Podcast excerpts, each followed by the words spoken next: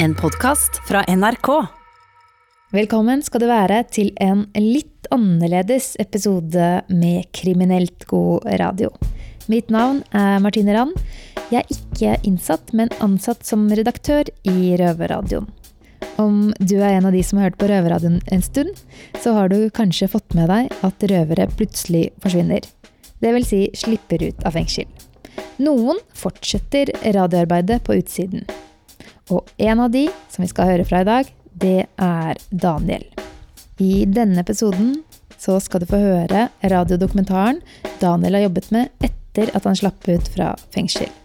Den handler om den unge mannen Ørjan som er drapsdømt, og som Daniel møtte under soning. Før vi slipper til Daniel, vil jeg helt til slutt komme med en advarsel. For denne episoden inneholder beskrivelser av drap. Og nå gir jeg lufta til Daniel, som vil fortelle Ørjans historie.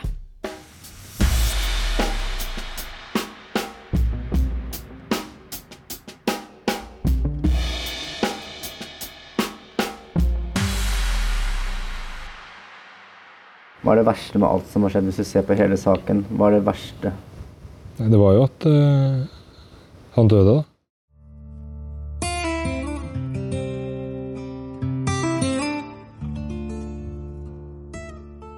Dette er historien om Ørjan. Da Ørjan var 19 år, tar han et valg som gjør at livet hans går i en helt ny retning.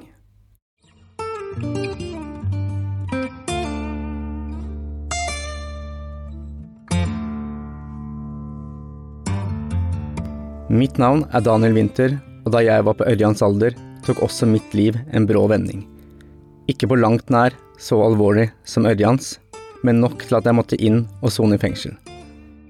Bak høye, gamle murer med rustrød piggtråd på det nå nedlagte Oslo fengsel kom jeg i kontakt med Røverradioen. Her fikk jeg jobb som programleder. Siste del av soningen min var i Hamar fengsel. Det var her jeg ble kjent med Ørjan. Vi utviklet raskt et vennskap, og selv om jeg har møtt mange spesielle skjebner bak murene, så klarte jeg ikke helt å forstå Ørjan og Ørjans historie. Hva får en 19-åring til å være med på et drap, og hvordan er det å leve videre som dømt drapsmann når hele voksenlivet venter på deg? I denne dokumentaren har jeg lyst til å bli bedre kjent med Ørjan.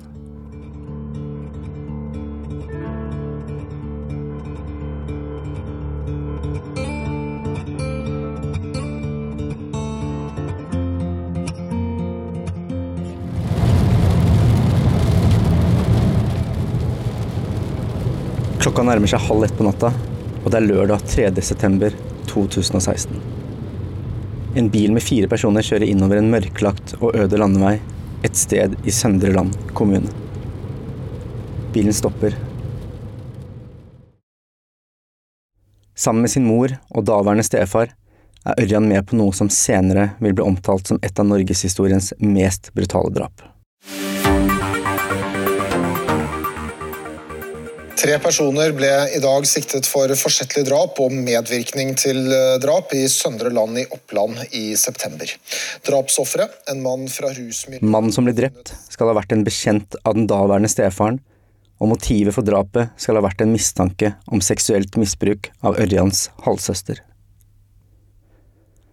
Alle tre blir dømt i saken. Han som senere blir omtalt som hovedmannen, blir dømt til 17 års fengsel. Ørjan og moren blir frifunnet for drapet, men de blir dømt for kroppskrenkelse og grov kroppsskade med døden til følge. Moren dømmes til to års fengsel og Ørjan til fem.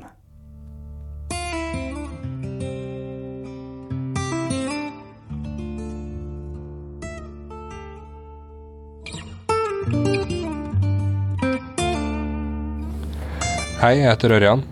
Eh, Jeg var involvert i Dokka-drapet og ble dømt til eh, fem års fengsel for grov vold med dødsfølge.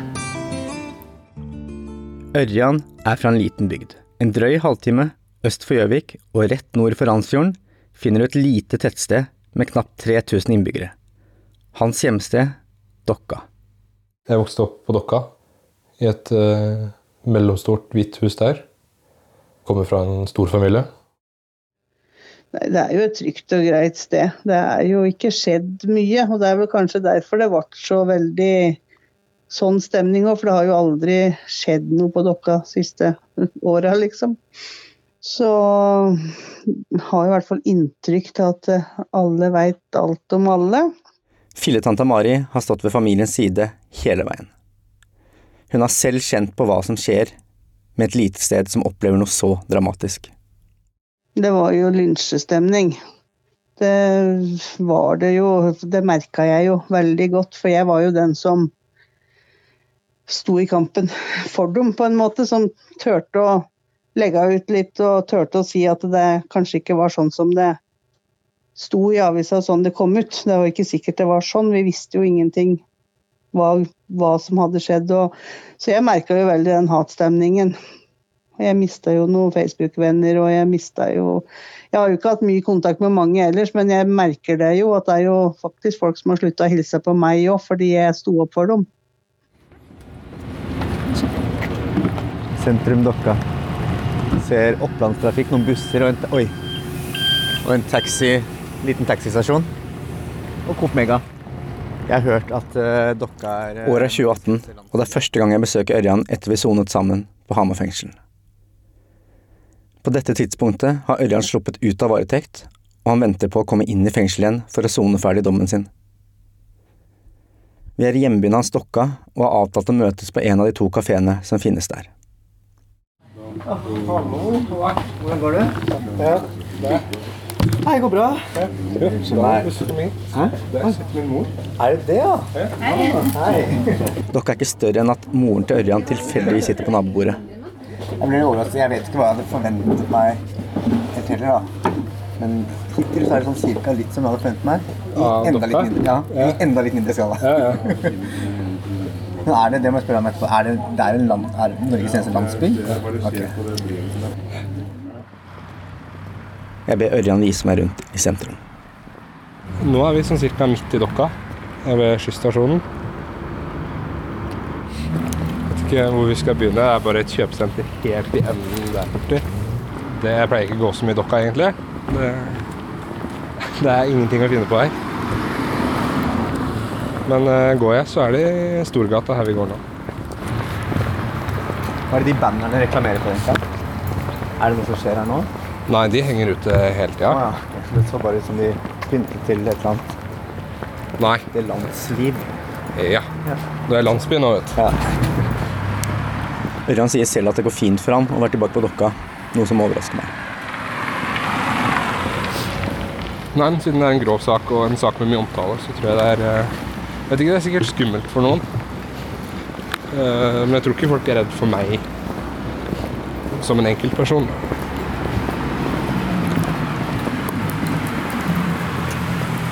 Ørjan mener selv at han er blitt møtt på en annen måte enn moren, at det er dette som gjør det mindre vanskelig for han å være tilbake i hjembyen. Ja, jeg merker ikke noe stor forskjell. Ting er ikke helt som det var før. Jeg, tror det er eh, mye mer lukka enn hva det ville vært i forkant av saken. Nei, det er hvordan folk møter meg, f.eks. På butikken og bare i Dokka generelt. Altså sånn For meg så er jeg fortsatt den personen som jeg var i forkant av alt det her. Eh, Men det er jo ikke sånn andre oppfatter det. Men eh, det er konsekvensen man må tåle å møte. Jeg spør Mari om hun mener at Ørjan og moren fortsatt burde bo på Dokka. Jeg anbefaler dem å komme seg vekk, fordi at de har jo full rett til å bli der og bo der. Men jeg tenker sånn at det blir unødvendig belastning med at folk ser stygt på dem, og folk snur seg unna dem når de er i butikken. og Folk tar jo synlig avstand, liksom. Du ser jo det. Så, så jeg anbefaler dem for deres egen del at det er ikke sikkert det blir glemt til alle.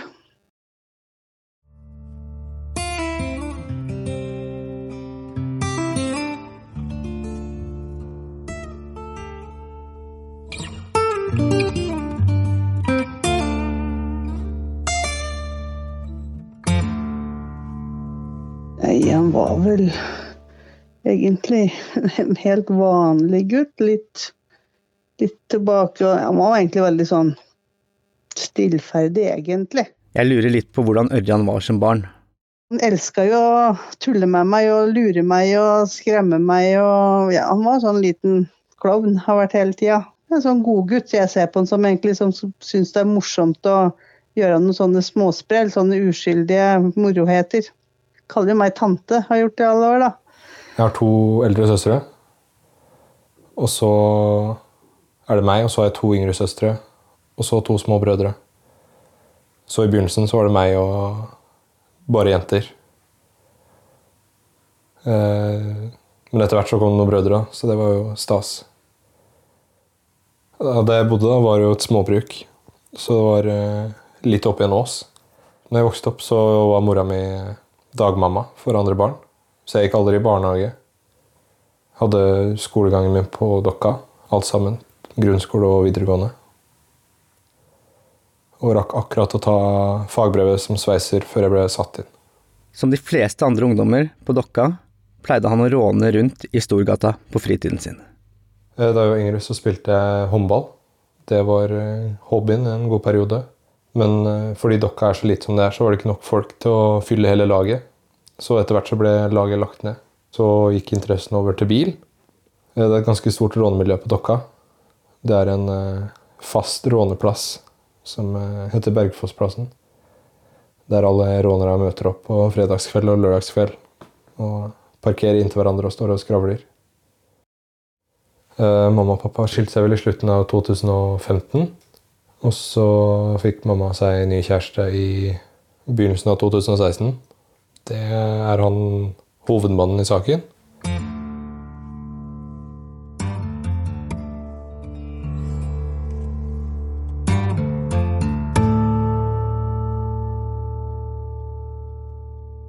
Det er gått nesten et år siden jeg møtte Ørjan på Dokka. Siden den gang har Ørjan sittet i fengsel. Jeg har lyst til å snakke med Ørjan om det som skjedde den natta, og bestemmer meg derfor for å dra på besøk til han i fengselet. Nå er vi i eh, Valdres, på Vesterplan fengsel. Den åpne avdelinga. På det som blir kalt Slidrøya. Eh, nå så har jeg sittet inne i ti måneder. Hverdagen i fengselet er litt forskjellig ut ifra om du sitter på lukka eller åpent. Det er for meg, altså Jeg har akkurat kommet på åpent, så jeg syns det er kjempefint. Eh, på lukka så er det ikke så mye å finne på. Det, hvis du har skole i gang, så går du på skole, og ellers så sitter du på cella. Med meg har jeg en utskrift av domspapirene, og jeg bestemmer meg for å lese opp beskrivelsen av drapsnatta. I domspapirene er de involverte beskrevet med bokstaver A, B, C og D. For å gjøre det lettere å forstå har jeg byttet ut bokstavene med navn og kallenavn. Skal vi se, Da har jeg da et skriv her fra lagmannsretten. Eh, kan du forklare hvem hovedmannen er? Det er eh, han som mamma ble sammen med i begynnelsen av 2016. Eh, og Aina? Det er moren min. Lørdag 3.9.2016 ca. klokken 01.00 på en adresse i Søndre Land drepte de avdøde Nils Olav Bakken etter at du først la ham i bakken. Mens avdøde lå nede, satte hovedmannen seg på ham. Aina holdt fast i bena, og du holdt en av armene. Hovedmannen og eller Aina forsøkte så å feste strips på avdødes armer. Aina stakk avdøde i høyre håndflate med en kniv, før hun ga denne til hovedmannen, som stakk avdøde tre eller fire ganger i overkroppen med kniven. Du sparket avdøde en gang i hodet. Deretter knivstakk hovedmannen han en gang i halsen. Hovedmannen og du dro avdøde ut i grøftkanten før og eller etter at hovedmannen helte bensin over ham, og Aina flyttet bilen litt unna stedet. Deretter tente hovedmannen på avdøde, som døde av en kombinasjon av forblødning fra stikket i halsen og varme- eller brannskader. Hvordan var det å høre det når jeg leser opp nå? Jeg vet ikke, altså Det er jo det som står i innledningen på, på dommen. Og jeg har lest det mange ganger. Det er jo det som skjedde, da. Kort oppsummert. Er det rart å tenke på når du hører det, at det da faktisk var det som skjedde? For for meg så føles det jo veldig brutalt og grovt ut. Det er nesten sånn man ser på film. Ja. Men eh, Altså, det var jo brutalt. Men jeg tror det blir Altså, det virker litt verre når det oppsummeres i korte trekk sånn. For det er så mange detaljer som utelates.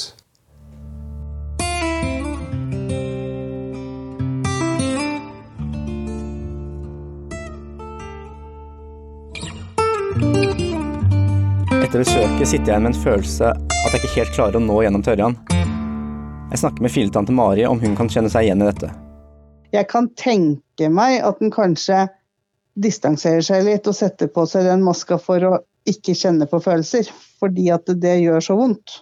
Han er ikke kald, men at han rett og slett eh, stenger ute for å ikke ta inn over seg. For jeg har tenkt litt på det, at han virker jo veldig sånn at det bryr han ikke, det han har vært med på, liksom. Det så jo litt sånn ut når jeg prata med ham i pauser i rettssaken, og at han var Det hadde ikke han vært med på. Dette liksom tok litt innover seg. Nei, han er jo ikke sånn. For han er jo lett å få komme inn på. Jeg veit jo det er jo ikke mye som skal til. Hvis du trykker på de riktige knappene, så kan du fort se at eh, øya fylles opp med tårer. Men da på en måte distanserer han seg igjen. Det er akkurat som en har en sånn mekanisme at en ja, klarer å distansere seg vekk, da. Men han er jo ikke sånn. fordi at det, hvis en råker på de riktige tinga, så ser du at han kjemper hardt for å ikke la seg påvirke og gråte. Da Ørjan satt inne, var betjentene bekymret for det samme. Før han fikk dommen på fem år i Eidsvatting lagmannsrett, ble han opprinnelig i tingretten dømt til 19 års fengsel. Det gikk ikke ordentlig inn, tror jeg. For jeg hadde ikke noe reaksjon på det. Det sa jo de En kontaktbetjent min om det, sa at de var litt bekymra fordi jeg ikke Altså, det virka ikke som om det påvirka meg på noen som helst slags måte. Og altså, jeg ser jo den. Det, etter jeg fikk eh, vite at jeg fikk 19 år fengsel, så tok det en halvtime, og så var jeg ute og spilte volleyball. Hvordan jeg gjorde det, det vet jeg ikke. Eh, det er vel bare å undertrykke de eh, vonde følelsene som kommer, og så går det av seg selv. Og det er jo litt derfor man gjør det. Altså, det er jo ingen som vil sitte og ha det kjipt hele tiden.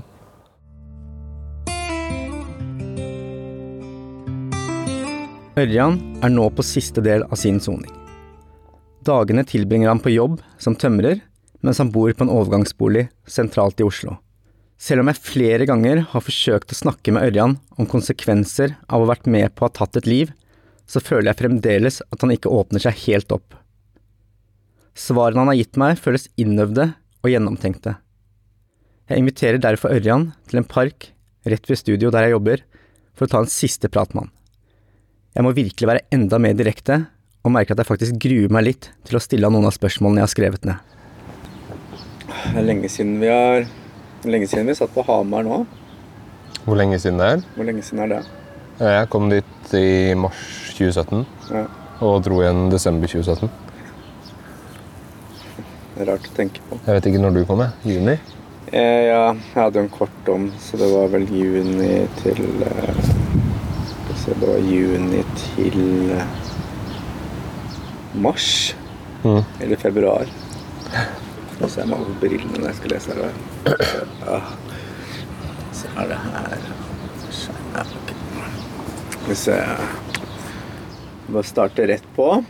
Ja, vi begynner nå? Ja, Ja. ok. Um, Ørjan, ja. vi har jo møttes en del ganger privat også nå. Flere ganger etter du flyttet til Oslo. Jepp. Jeg har invitert deg hjem til meg.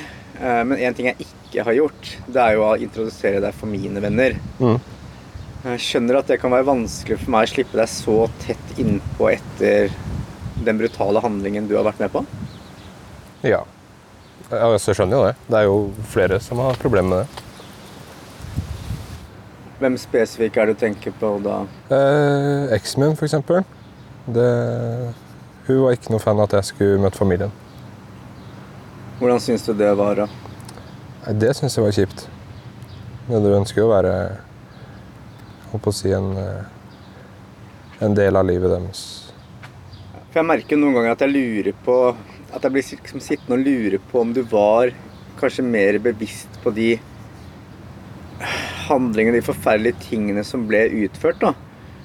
Og siden du virker Det virker på deg som det her det, er, det går så lett, og ting er så enkelt.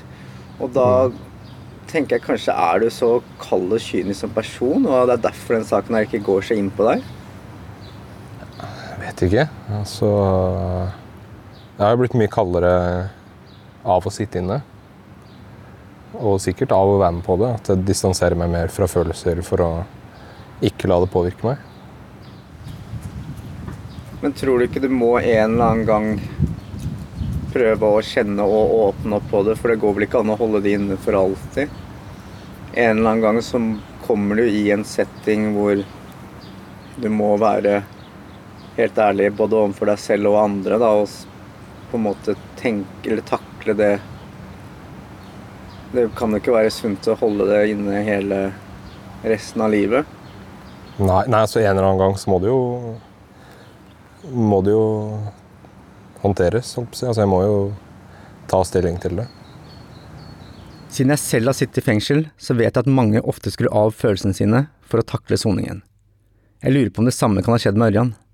Husker du nøyaktig når du begynte å stenge av følelsene dine? Det tror jeg var eh, ganske med en gang jeg ble satt inn. Ble satt rett i isolasjon. Og da har du jo altfor mye tid til å tenke, og det blir destruktivt med så mye tid. Da er det mye lettere å bare skru av. Men Hva er det som nå som du sier at du har skrudd av følelsene dine, du har fortsatt ikke skrudd de helt på? Nei, eh, det er mye lettere å skru de av da, enn å skulle få de på igjen. Så det, Men hva er det som gjør deg Når du sier at du ikke da har skrudd på følelsene dine, hva er det som, kan du gi oss eksempler på hva, hva er det som gjør deg glad?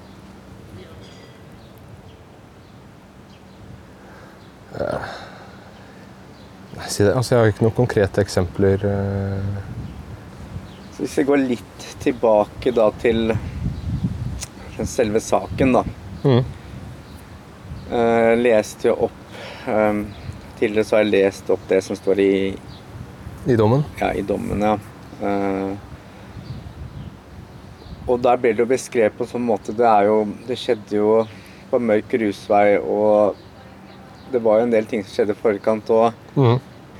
Men hvorfor stoppet du ikke det som skjedde, og tenkte du ikke nå går det her for langt? Nei, altså når du først setter i gang, så er det mye adrenalin, og det er jo uh, mye spenning. Uh, så det er ikke helt enkelt å skulle liksom ta et steg tilbake og få full oversikt. Og få med seg alt som foregår, og ser hvor det går da, før det bærer for langt. Men følte du det han, når vi prater, Hvis vi prater litt om han hovedmannen, mm. det var jo da stefaren din. Ja. Hvilke forhold hadde du til han? Var han en ja, hvordan, Hvem var han for deg? Vi hadde et sånn kompisforhold, nesten. Det, vi fant på mye ting sammen i forkant av det her, da. Så vi hadde et helt greit forhold. Sånn sett i ettertid, føler du fortsatt at du hadde rett til å skade han? Altså, det er jo ingen som har rett til å skade andre. Det er ikke Det er ikke sånn at du gjør eh, Nei, skal vi se.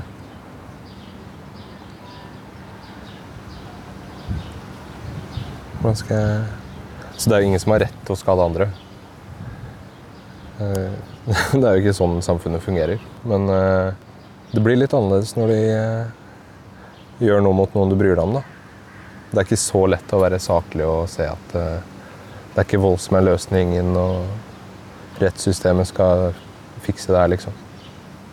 Jeg lurer på hvordan det er å leve videre etter alt som har skjedd. Så du har flyttet nå til Oslo i en overgangsbolig, Mm. bygd opp et lite nettverk. Ja. Eh, Hvordan, hvordan preger den saken her deg nå i det daglige? Det er jo ikke så mye den preger meg i det daglige. Eh, Det er når jeg blir kjent med nye mennesker, eller hvis jeg dater noen, eller sånne ting hvor personer må bli godt kjent med meg. Det er jo først da det kommer frem. Men sånn fra dag til dag så er det ikke tenker jeg ikke noe på det. Men du har, etter du flyttet til Oslo, så møtt, har du møtt noen jenter da? Ja, det har jeg. Og hun fortalte du om alt, eller på en måte du var ærlig med henne? Hun fikk jo ikke vite alt av detaljer og full pakke der, men det Altså, vi var jo på en date da, på en fredag. Og så hadde jeg brukt opp permisjonstimene mine.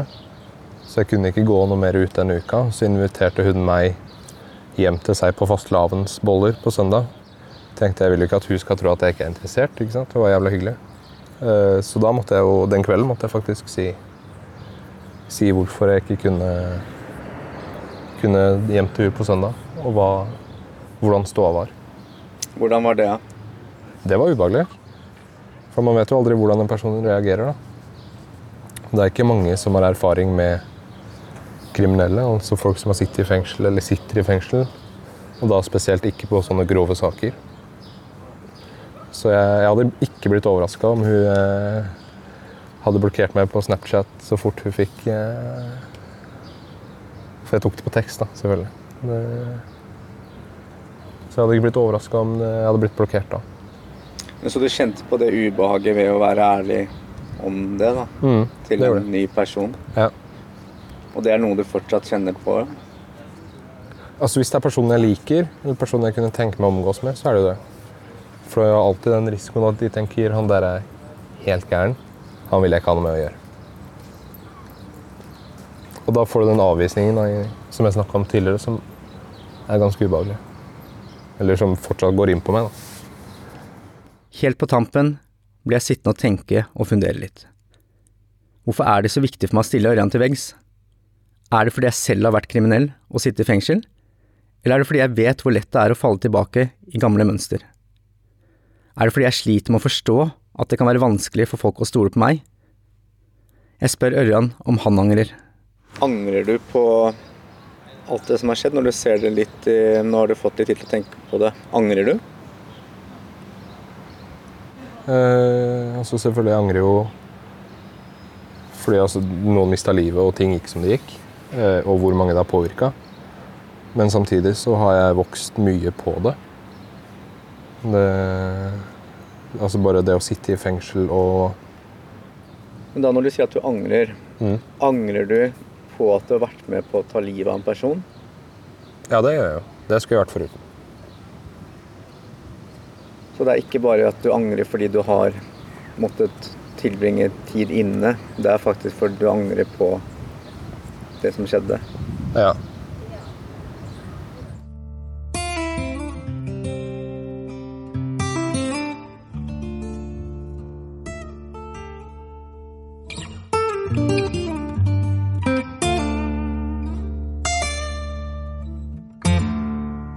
Røverradioen er ferdig for denne gang, men vi er tilbake om en uke, vi. Og i mellomtiden så kan du høre oss så mye du vil på podkast. Musikken i denne sendinga er laga av Ylja Tranov, The Roads. Og så vil vi rette en stor takk til Trygve Eriksen, Røde Gorilla, for produksjonshjelp. Og sist, men ikke minst, takk til deg som hørte på. Røverradioen er laga for og av innsatte i norske fengsler, tilrettelagt for streitinger av Rubicon for NRK. Du har hørt en podkast fra NRK. Hør flere podkaster og din NRK-kanal i appen NRK Radio.